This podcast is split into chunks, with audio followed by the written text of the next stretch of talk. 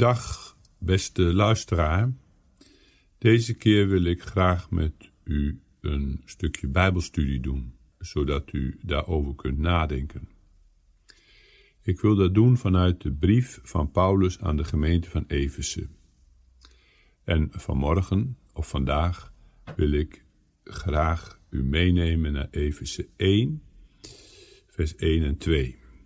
We lezen daar in de Statenbijbel het volgende. Paulus, een apostel van Jezus Christus, door de wil Gods, de heiligen die te Efeze zijn en gelovigen in Christus Jezus, genade zij u en vrede van God onze Vader en de Heer Jezus Christus. We beginnen bij Paulus. Paulus is de apostel der heidenen.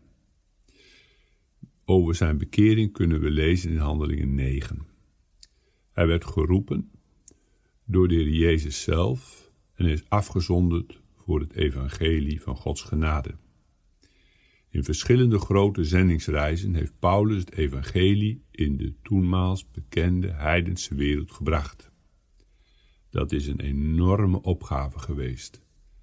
Duizenden kilometers heeft hij daarvoor gelopen en moest hij met gevaar van zijn eigen leven het evangelie brengen op allerlei plaatsen in het heidense Romeinse Rijk. Paulus is de grote heidenapostel. En we kunnen ons er alleen maar over verwonderen dat God hem heeft willen gebruiken om het evangelie te brengen in de wereld der heidenen. Paulus zegt ook nadrukkelijk dat hij een apostel is. Een apostel betekent Iemand die de opgestaan Heer Jezus, de verheerlijkte zaligmaker, persoonlijk heeft gezien. Op de weg naar Damascus heeft Paulus de Heer Jezus gezien, de opgestane. Hij is dus een getuige van de verheerlijkte zaligmaker, die een verheerlijk lichaam heeft en nu aan de rechterhand van God de Vader is. Paulus is een apostel door de wil van God. Daarmee wil Paulus zeggen dat hij niet op eigen initiatief het evangelie preekt. Hij is niet zelf begonnen. God heeft hem daartoe geroepen. Hij is een geroepen apostel. Hij is een apostel van Jezus Christus. Jezus is de persoonsnaam van de zaligmaker. Christus is de ambtsnaam. Paulus heeft niets anders willen weten dan Jezus Christus en dien gekruisigd. Het evangelie de goede boodschap van Christus, de gestorven en opgestane zaligmaker, die zondaren verlost van de dood, de zonde, de duivel, het ongeloof en de alle andere mogelijke ellende. Laten we die zaligmaker beminnen. De tweede plaats komen we bij Efeze. Deze stad heeft Paulus op de derde zendingsreis bezocht. Efeze was een stad in het huidige West-Turkije.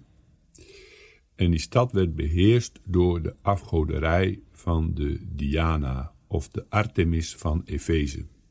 Een enorme grote afgodische cultuur beheerste die stad. Die afgodische cultuur ging gepaard met dronkenschap, prostitutie en alle mogelijke zonden die we maar kunnen bedenken. Daardoor werd die stad beheerst. En in die stad plant God de banier van het evangelie, van de gekruisigde Christus. Wat zijn Gods wegen toch wonderlijk. Daar in Efeze is een gemeente ontstaan. En Paulus typeert die gemeente als heiligen. Dat betekent dat ze vernieuwd zijn door Gods geest. Het vernieuwend werk door Gods geest. En in de tweede plaats gelovigen. Gelovigen zijn die mensen die hun vertrouwen stellen voor hun verlossing alleen en uitsluitend op Jezus Christus. Gelovigen zijn dus mensen die zichzelf niet hebben geholpen, die door andere mensen niet zijn geholpen, maar die zijn gered door te vertrouwen op de Heer Jezus Christus. Geloven en vertrouwen zijn in de Bijbel identieke woorden. Paulus richt zich dus tot de gelovigen en de heiligen die te Efeze zijn, de vernieuwden. Wat is het een wonder dat daar in die grote heidense stad een gemeente is ontstaan. Een kleine gemeente. Paulus heeft er twee jaar gepreekt. Hij heeft daar in een zekere school van een zekere Tyrannus de boodschap gebracht, twee jaar lang. En Paulus heeft daar gepreekt ongeveer 53 na Christus. Als hij deze brief schrijft, is het een jaar of zeven later.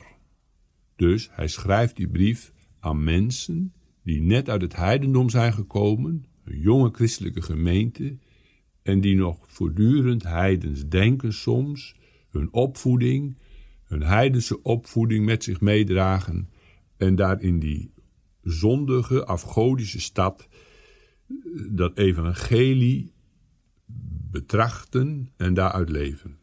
Die mensen hebben onderwijs nodig. En dat onderwijs geeft Paulus in deze brief. Ten slotte zegt hij ook nog: Genade zij u en vrede. Dat zegt Paulus ook in de brief aan de Romeinen in het begin. Ook de gemeente van Rome wenst hij genade en vrede toe van God, onze Vader en de Heer Jezus Christus. Genade wijst op de bron van alle geestelijke en tijdelijke weldaden. Dat is Gods geschenk, wat Hij niet verplicht is aan iemand ook maar te geven. Genade zij u en vrede. Vrede wijst meer op de uitwerking. Het is het vertaling van het Hebreeuwse woord shalom. Shalom betekent niet alleen een vreedzaam gevoel, maar het betekent vooral herstel van relaties. Herstel van de relatie met God, herstel van de relatie met je naaste, herstel van binnen in ons hart.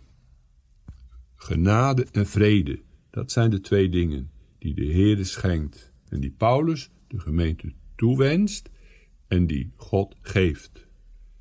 Paulus wijst er ook op waar de genade en de vrede vandaan komen, van onze Vader en van de Heer Jezus Christus. Let er trouwens op dat Paulus steeds spreekt in de eerste persoon meervoud. Wij, ons. Hij heeft die hele gemeente op het oog. Eerste persoon meervoud. Paulus spreekt dus tot de gelovigen. De gemeente is de gemeente der gelovigen. En die gemeente wordt gebouwd door God zelf. Paulus is een instrument. Dus Paulus die plant, Apollos die nat maakt. Het is de Heer die de wasdom geeft. Genade zij u en vrede. Wat een rijke boodschap in een heidense, zondige wereld.